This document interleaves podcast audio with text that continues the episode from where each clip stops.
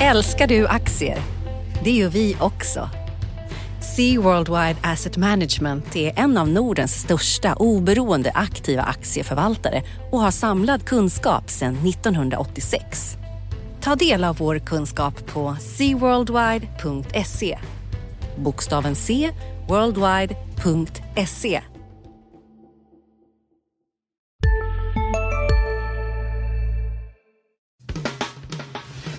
Analyspodden från Dagens Industri.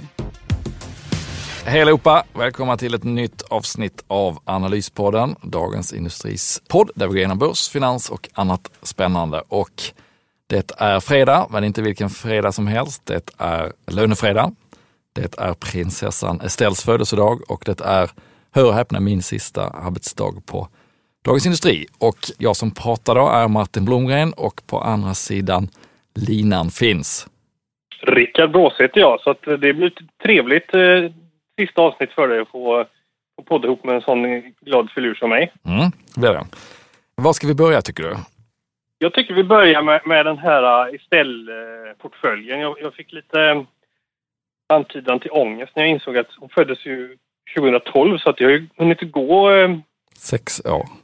Portföljen har gått bra får man säga också, eller hur? Ja, den eller går- hur har det gått? Den går som tåget och om man inte känner till vad vi pratar om då så är det ju så att när eh, prinsessan Estelle föddes så skänkte Dagens Industri 100 000 kronor som senare ska gå till välgörande ändamål och eh, som vi då uppdaterar en gång om året just på eh, prinsessans födelsedag. Så därför är det dags idag, 23 februari, för en ny update och eh, status är då att de här 100 000 har växt till 230 993 kronor. Eh, och det är bättre, klart bättre än index även om man räknar in utdelningar, vilket ju är roligt. Speciellt för alla de som eh, faktiskt hör av sig och säger att de har tagit rygg på den här portföljen till sina barn eller barnbarn. Så det är kul och varje år så gör vi även ett byte brukar vi göra. Och vi brukar sätta kassan i spel då som består av utdelningarna som trillade in under förra året. Och detta år så tar vi eh, förväl av Cloetta som har varit med i tre år. Eh, gått upp 38 procent om man bakar in utdelningarna vi har fått från dem. Och vi tar istället in Skanska. Är du chockad över bytet? Ja, alltså varför Skanska? Eh, varför Skanska? De har ju fått en del stryk på börsen. Dels av bostadsoron under hösten och vintern och sen har det varit stora eh, chefsrockader i bolaget och Eh, de fick ju skriva ner lite projekt och sådär i fjärde kvartalet. Eh, och min, vår bedömning är då att eh, det som syns i kursen nu är alldeles fullt tillräckligt därför att eh, projektnedskrivning är någonting som dyker upp då och då i bygg och projektbolag. Och nu är värderingen nere på att man får en direktavkastning på 5% och byggbolag är mer kapitalsnåla än vad många tror, skulle jag säga. Så att det finns goda chanser för att den här utdelningen kommer att hålla och att eh, aktien kommer att eh, komma tillbaka, åtminstone på lång sikt. Så att det känns som ett bra eh, risk-reward att gå in där nu. Och det är ju en extremt långsiktig tanke med den här portföljen. Den ska, den ska leva tills prinsessan fyller 18, vilket då är 2030. Så att, eh, det är 12 års horisont härifrån och framåt. Då, så att, eh, eh det känner jag mig trygg med. Om man har en lite kortare horisont men ändå en lite längre den här absoluta närmsta året eller sådär så tror jag också att det finns ju... Det där är väl ett av bolagen som vid någon tidpunkt kommer att ryckas med den här uppdelningstrenden. Ehm, det, det finns nog ganska små synergieffekter egentligen mellan liksom deras nordamerikanska verksamhet Mm. och, och ehm, hem- den, den nordisk-europeiska. Så att där kommer det nog att hända någonting förr eller senare. Förmodligen så sådana här uppdelningar gör man ju helst ut- utifrån sin styrkeläge. Så att eh, får vänta lite på att de får ordning på grejerna i, igen där så, så, så tror jag att det kommer att hända någonting sånt. Men det kanske tar några år då. Mm. Eh, och det har vi ju i och för sig pratat om Ja, det är redan att det precis. här ska hända. Så vi får se när det blir. Men någon gång tror jag att det kommer att Ja. ske, ske saker i Skanska. Innan 2030 kanske. Innan 2030 så tror jag att Skanska har delats upp. Mm. Ja, och tittar man på de andra innehaven så är det ju, det är egentligen bara ett av innehaven som är, ligger back faktiskt sen, sen starten och det är ju allas vårt eh, sorgebarn Hennes Maurits. Mauritz. Där vi vänder och vrider på, på det innehavet och eh, känner att vi måste ta ett beslut. Antingen så skickar, skickar vi ut den och, och säger att vi har eh, gett upp, kapitulerat eller eh, låtsas som att inget har hänt. Eller så tror man faktiskt att det här är ett bra ingångsläge för, eh, för den långsiktiga och då landar vi i att vi eh, sätter lite av kassan, eller det mesta av kassan i spel genom att köpa lite mer H&M-aktier på vad som kanske inte är botten, men vad som jag tror är slutet på nedgången i alla fall. Mm. Ja, nu börjar till och med jag som eh, varit väldigt skeptisk till H&M att känna lite, eh, och lite sådana varma känslor för, för aktien. Men alla verkligen ogillar den. Alltså mm. det är ju en tävling nu och ogillar den mest mm. egentligen och då, då tror jag att man inte har så mycket att tillföra och, och liksom tillföra någon ytterligare kritik där egentligen utan jag tror att man ska försöka hålla sig vaken och alert här närmsta tiden för att se vad som kan bli någon slags bottennivå. Man vet ju att första kvartalet blir dåligt för att de har stort lager och de behöver rea ut. Man vet ju i princip att andra kvartalet blir det. Eh, tredje och fjärde ska det ju börja vända upp enligt dem själva då, men det, de har ju inte jättehög trovärdighet längre i prognosen i och med att de har bommat på tillväxten ett tag här. Eh, men om man då återigen tar ett väldigt långt perspektiv och tar med sig att det som vi var positivt på kapitalmarknadsdagen, det var ju att deras online-del är otroligt mycket mer lönsam än vad pessimisterna har trott i alla fall. Och eh, baksidan är ju då att butikerna inte är så lönsamma som man trott. Men om man drar ut de här kurvorna att online fortsätter växa och det är mer lönsamt så kommer ju, så kommer ju mixen i H&M till slut att se betydligt bättre ut och, och då kommer till slut tror jag att aktiestorm kommer vara att man kan värdera upp online-delen mer än vad man är rädd för butikerna. Men den stora brasklappen är att det kan ju gå snabbare än man tror med att de, att de måste stänga butiker i en hastighet som de själva inte riktigt trodde eller kan hantera kostnadsmässigt på samma sätt. Mm. Jag kan skicka med en sån här hemläxa till uh, lyssnarna att man kan ta och titta på, laborera med, med vilka salesmultiplar det finns på onlineföretag mm. och sen då ta eh, salesmultiplar från de butiksdrivna och de här riktigt pressade amerikanska eh, moderbolagen så det är inte sådär supermycket mer nedsida rent liksom i den ekvationen mm. om man gör den. Ja, och det blir också intressant att se hur, hur det kommer påverka marginalerna att de nu kommer att öppna betydligt färre nya butiker.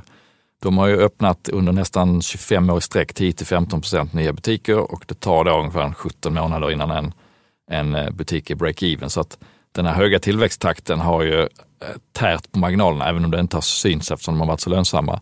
Bromsar man det nu så får man kan man ju släppa upp eh, marginalen bara genom att de expansionskostnaderna minskar lite grann.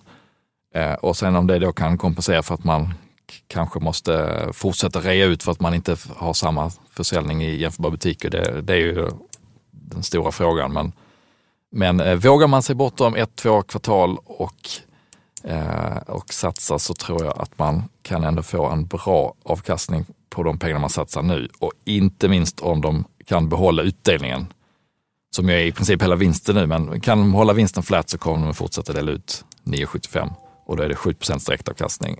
Och avkastningskravet på börsen brukar man ju säga kanske är en 8-9 procent. Så att man får nästan hela avkastningen man behöver bara genom utdelningen såvida de eh, kan behålla den. Mm. Men det har, har, ju vi och många andra sagt för att nu ser det, börjar det se billigt ut i H&M. Så att, eh, brasklapp där, men eh, 2030 så är jag inte så orolig för att ha H&M i portföljen om man har det tidsperspektivet. Nej. Gott, ska vi lämna Estelle-portföljen i stora drag, men eh, vi kanske ska konstatera att största innehavet nu faktiskt efter ett riktigt bra år är ju Kinnevik. Och där hade du eh, en spännande intervju tyckte jag med eh, vdn för Kinnevik och du tittade på en del av de stora innehaven Tele2 också i, eh, i mer subjektiv form. Så den här intervjun, de som inte har läst den, vad, vad är det viktigaste att ta med sig från, eh, från Kinnevik-vdn? Jag skulle säga att det var en väldigt ehm, eh, öppenhjärtlig intervju och nu vd-intervjuer kan vara, vara sådana. Det är en väldigt intressant rekrytering som Kinnevik har gjort. Mm. Jörgen Ganner, man är förhållandevis ung och han kommer från ett förhållandevis litet bolag. Han har varit, varit vd för, för Dustin som börjar bli någon form av, eh, vad ska man kalla det, för plantskola. Då har Net Entertainments vd var, var ju hans företrädare på Dustin och nu har de fått in en annan person Thomas Ekman på Dustin också. Så att eh, Dustin eh, verkar som att där har de bra vd Ganev då, mycket intressant. Han satt redan i eh, Tele2 styrelse, om man backar bandet ett år när han blev utsedd, så att han var liksom inget, han var inget, ingen ny bekantskap på, på, i, på Skeppsbron där, så att de visste vem han var och han inledde sin karriär också på, på Tele2 en gång i tiden. Nu, nu kommer han ju då bli det stora paradnumret som de har framför sig här nu är ju helt enkelt att de ska baka ihop två av sina noterade innehav i form av då Tele2 kom hem. Den affären har ju blivit utbuad får man ju säga på börsen. Aktien har gått ner, eller kombinerat de här två, en ner närmare 3 miljarder kronor efter den här affären. Och då, och då det är lite ovanligt eftersom de kunde få fram 900, eller, ja, nästan 10, 10 procent eh, ebitda så att um, synergier. synergier. Mm. Den borde liksom vara värde, på pappret så ska den vara värdeskapande för, för aktieägarna. Eh, det här är ju också en bransch som har svårt att växa resultat. Alltså växer du, växer du resultatet gör du oftast genom att du drar ner kostnaderna och kassaflödet växer du genom att du drar ner på investeringarna. Så det är en ganska trökig bransch egentligen. Så att när du kan göra den här typen av affärer så eh, där du får fram synergi så är det såklart väldigt behjälpligt. Sen har Tele2, de har precis integrerat TDC, TDCs svenska verksamhet som de köpte för, ja, när det nu var, mm. något ett och ett halvt år sedan kanske.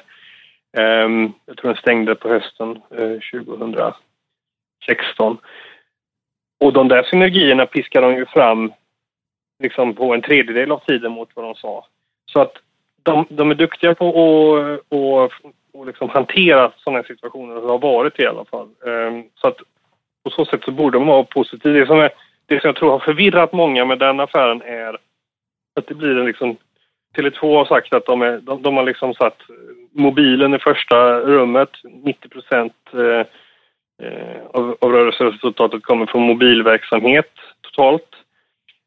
Och då helt plötsligt köpa en kabeloperatör som inte har någon mobilverksamhet utan någon som tv-intäkter och bredbandsintäkter. Det blir väldigt förvirrande tror jag och det tror jag är främsta anledningen till att aktien faktiskt gick ner. Det är inte att, att det är något fel på synergierna eller att priset är egentligen överdrivet. Det var kanske något åt det höga hållet vad de betalar för att komma hem till ett två.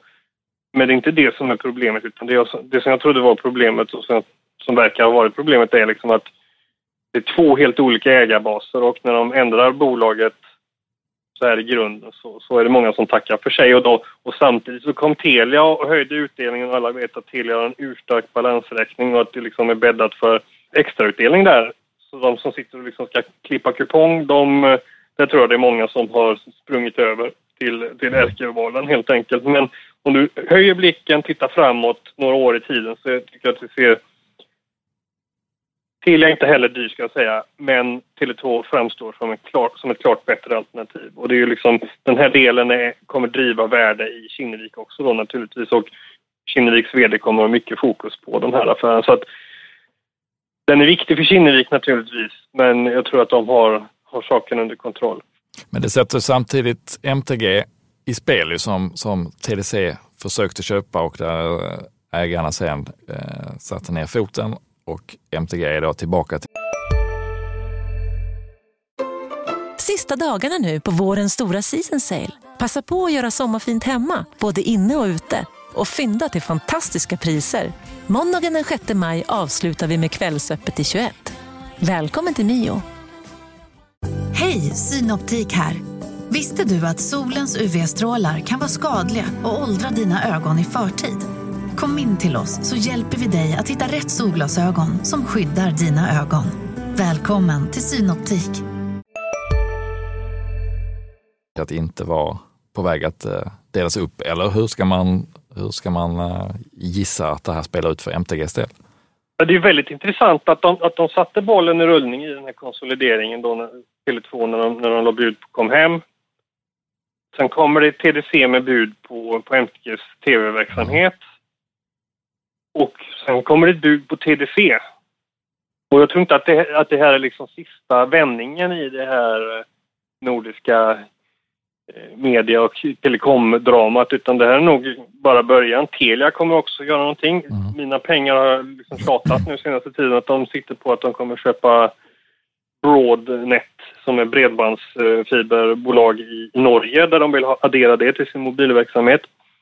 Sen varför skulle då...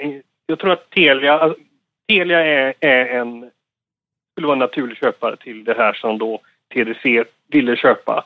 Nu har ju Kinnevikarna och MTG-gänget visat korten. De har visat, alltså det, är det är så roligt när, när folk spekulerar om, om vad som ska hända. Då, då är det många som, som, som på något sätt tror sig känna till vad Kristina Stenbeck tycker och tänker utan att de har en aning. Det var ju många som sa, i alla fall som jag pratade med, som sa att ah, men det är ju det här MTGX, hon gillar inte det så att det ska de göra sig av med. Uppenbarligen så är det ju tv-verksamheten som de, som de kan tänka sig att klippa banden med. Så att nu vet ju alla det, så att kommer någon annan betala 20 miljarder för den? Jag tror inte det. Mm. Och, och, det är uppenbart att de vill sälja det, så att ganska bra. Alltså, det, det som har hänt nu har spelat Johan Dennelind i händerna på ett ganska trevligt sätt skulle jag säga. Och det finns utrymme för dem att köpa både Broadnet för vad det nu kan kosta, 7-8 miljarder och köpa den här delen då på, förmodligen då med rabatt mot de här 20 miljarderna som TDC skulle köpa. Och det finns utrymme för, det, för Telia att göra den, göra den affären. Dessutom har Telia då i nästa läge fortfarande saker, de här säljbolagen som de ska sälja. Det största värdet finns samlat i, i de indirekta aktierna i, i Turkcell plus då Kcell i Kazakstan. Så att du kan de kan göra två stora affärer och sen ändå sälja av, fortsätta sälja av verksamheten under året och komma tillbaka nästa år med en, en utdelning. Plus att de då har biffat upp sig och fyllt ett strategiskt hål. De vill ha innehåll med MTG, de vill ha eh, bredband i Norge och, och liksom då kunna eh, eh, driva fram värden både genom att liksom addera ytterligare resultat men också få fram synergier. Så att jag tror att det kommer att vara en väldigt intressant marknad eh, kommande året och att det liksom att det, kom, du fick en, en start med, med kom hem-affären. Sen så fick ju eh, Georgi Ganev bollen tillbaks i pannan lite när, när liksom den här MTG-affären studsade tillbaks till dem igen. Så att de är väl lite, lite halvpressade på den fronten. Sen är MTG såklart en ganska liten del av Kinnevik så att eh, ingenting de står och faller med. Men det kommer hända saker, det tror jag man ska vara alldeles säker på. Och liksom, minst drama skulle väl vara i så fall om de splittar upp det helt enkelt och sen noterar MTGX och sen stämplar de aktierna så att de kommer ner under ehm, så att de inte har kontroll över den svenska tv-marknaden. För det, där, det finns ju problem ehm, konkurrensrättsligt att de äger MTGs tv-verksamhet plus att kom hem ehm, kontrollerar 38 procent av tv-marknaden så att de blir helt... Den där affären kan tolkas negativt helt enkelt av EU. Så det är därför också att det finns en sån komponent att de faktiskt måste göra någonting åt MTG. Ja, det låter som ett gott år för affärsjurister framöver, speciellt om man är specialiserad på eh, media och telekombranschen mm. i alla fall. Men du, om vi blickar framåt då. Nästa vecka då åker många stockholmare på sportlov. Eh, du och Börje Ekholm åker till Barcelona. Mm. Varför gör ni det? Ja, jag gör det för att punktmarkera Börje Ekholm. Börje Ekholm gör det för att komma undan från mig. Nej, det är en väldigt stor mobilmässa, eh, Mobile World Congress, som är varje år i, i Barcelona. Det är hela, hela liksom industrin med nätverksleverantörer och eh, mobiltelefontillverkare och eh, så vidare som samlas för att visa upp produkter och prata om, eh, prata om framtiden. Förra året så handlade det väldigt mycket om, om 5G. Eh, nu har det ju börjat röra lite på sig. Det har satt standarder till exempel och det Verizon AT&T pratar om, om att de ska börja med 5G i år i USA. Så att det börjar, det, där börjar det gå lite från, från att vara en en förhoppning som ligger in i framtiden till att det faktiskt börjar hända saker i realiteten. Och det där skulle vara väldigt välkommet om de, när de investeringarna kommer igång. För att, det, för att om man tittar på, framförallt på Ericsson så är det ett väldigt pressat företag eh, som det ser ut idag. Sen Börje Ekholm tillträdde, eller sen han utsågs mm. till ny VD för ett och ett halvt år sedan så har bolaget då konsekvent presterat rörelseförluster. Är det någon eh, nyhetsbesked tror du man ska hålla reda på som kan flytta på, på kurserna eller kommer det mer handla om de långa visionerna om var man är om ett par år och hur, hur hela... Det, det kommer handla mer om, om, om några år och det kommer vara mycket... Det kommer munhuggas en del, fast kanske då mellan raderna och det gör det redan om man läste vad, vad Nokias vd sa i sitt vd-ord i bokslutsrapporten så är det en ganska tydlig passning till Ericsson om att det 5G krävs ett holistiskt tänkande och eh, ett, ett helhetserbjudande då. Det säger de naturligtvis eftersom de har köpt Alcatel-Lucent medan, medan Ericsson då mer eh, mobilbaserat. Så att det är intressant. Vi kommer vara fortsätta, fortsätta fejder däremellan tror jag och, och alla kommer att liksom säga att de är bäst och har framtiden för sig. Eh, sen, sen, så har de säkert sparat lite sådana här affärer så att det, det, kommer nog komma lite nyheter om, om eh, samarbeten på 5G-området skulle jag mm. gissa på. Eh, så om man har någonting att visa upp, men, men det kommer nog inte vara några kioskvältare rent för, för aktiekurserna. Men bra, då får du och Christer Gardell hålla koll på den långa sidan där i alla fall. Är det något annat vi ska bena ut tror du innan jag eh, checkar ut? Ja, vi får väl vi får utvärdera, vi får utvärdera din insats på DI också som eh, aktierecensent. Vad, vilket aktiecase skulle du säga att du är mest nöjd med? Ja, men om, vi, om man liksom tar den stora bilden så tycker jag att som den här Estelle-portföljen visar att man egentligen som privatsparare inte behöver konstra till det för mycket. Har man ett tiotal välskötta bolag där det är hyfsat låg teknikrisk, inte någon extrem råvaru eller eh, valutaberoende eller eh, forsk, beroende av någon forskningsrapport som kan ställa till det upp eller ner och hyggliga utdelningar så kan man sitta ganska lugnt om man är långsiktig.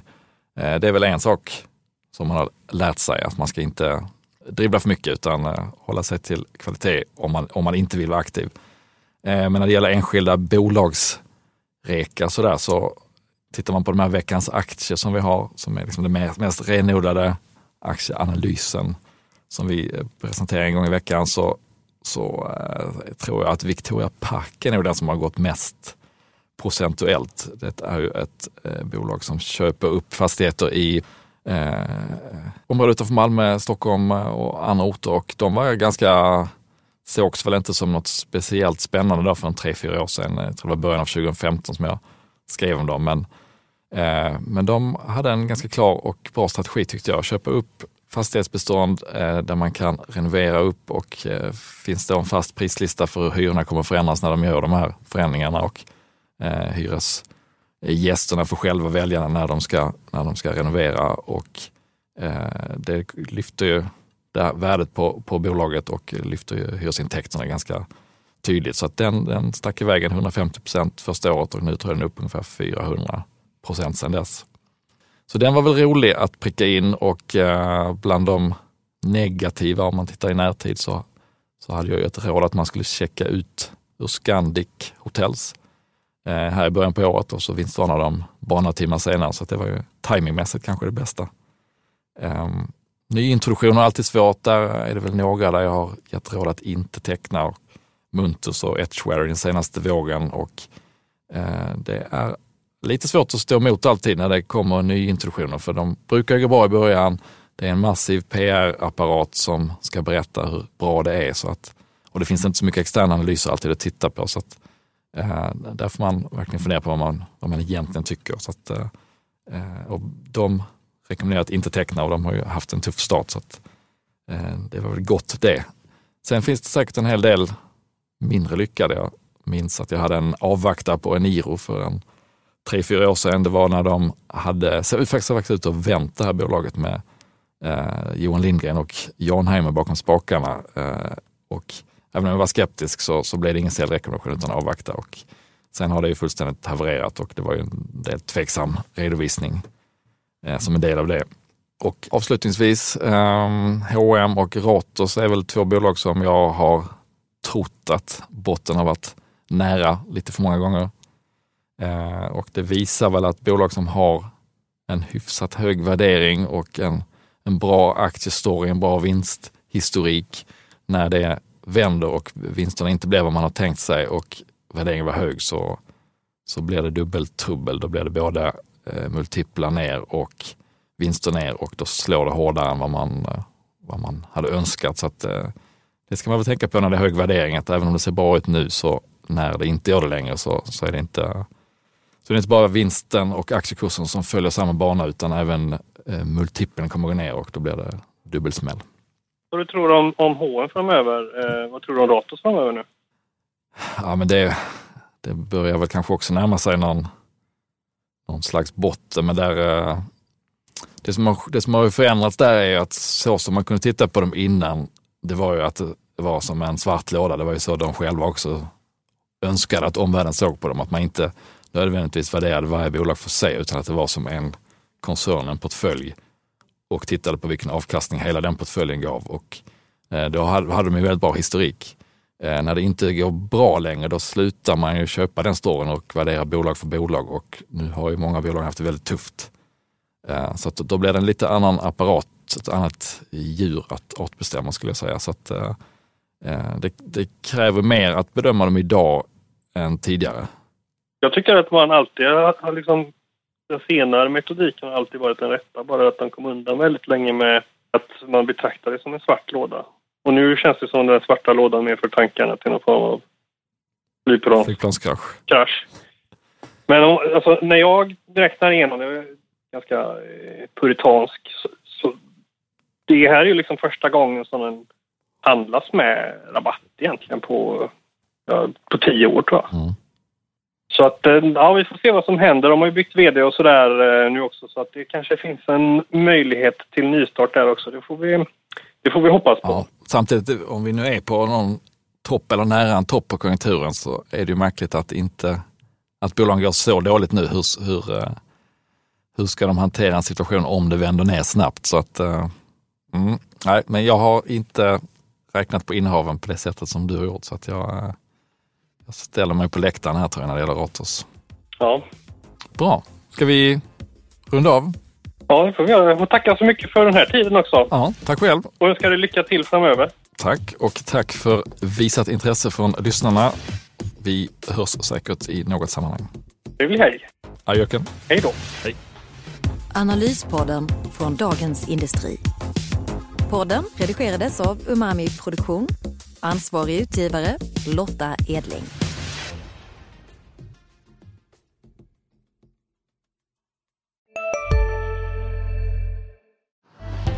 Älskar du aktier?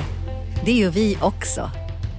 Sea Worldwide Asset Management är en av Nordens största oberoende aktiva aktieförvaltare och har samlad kunskap sedan 1986. Ta del av vår kunskap på seaworldwide.se bokstaven C, worldwide.se